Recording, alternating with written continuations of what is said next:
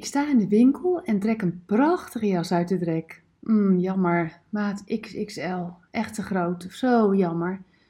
Soms voelt de jas die God jou aanreikt ook als te groot. Je voelt je klein ten opzichte van deze grote God. Niet waardig, niet goed genoeg. Ik wil vandaag met je nadenken over wie je bent. Wat jouw identiteit is in Christus. Wie je bent is zoveel meer dan wat je doet, maar ook zoveel meer dan wat je denkt. Zelfs zoveel meer dan wat je wilt. Jouw zijn is jouw fundament. Daarop bouw je het huis van je leven. Dat weet je.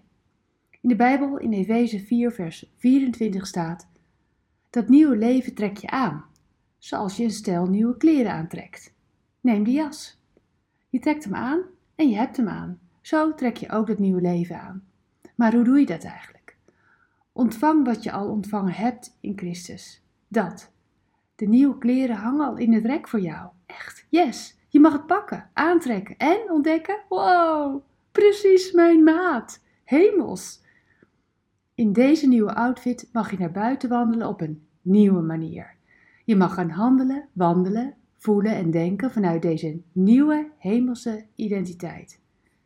In Efeze 4 staat: God heeft een nieuw mens van jou gemaakt. Een nieuw mens die op hem lijkt. Een mens die helemaal is vrijgesproken van schuld en die nu bij God hoort. Koninklijk mag jij leven, jou zomaar gegeven. Niet voor even, maar eeuwig leven. Spreek vandaag vol vertrouwen regelmatig uit. Ik ben nieuw. Echt waar, ik ben nieuw. Ik ben een koningskind, een hemelburger, een overwinnaar en diep geliefd. Deze kleding past mij uitstekend en zit als gegoten. O, dank u wel, Heer. Het past mij. Ik ben nu nieuw, dankzij u. Bedankt voor het luisteren naar Ik Wonder Jou. Hebben de woorden je hart geraakt en de teksten je geïnspireerd? Gun ook anderen Ik Wonder Jou. Meld ze aan bij www.ikwonderjou.nl. Ik ben zo blij dat je bestaat.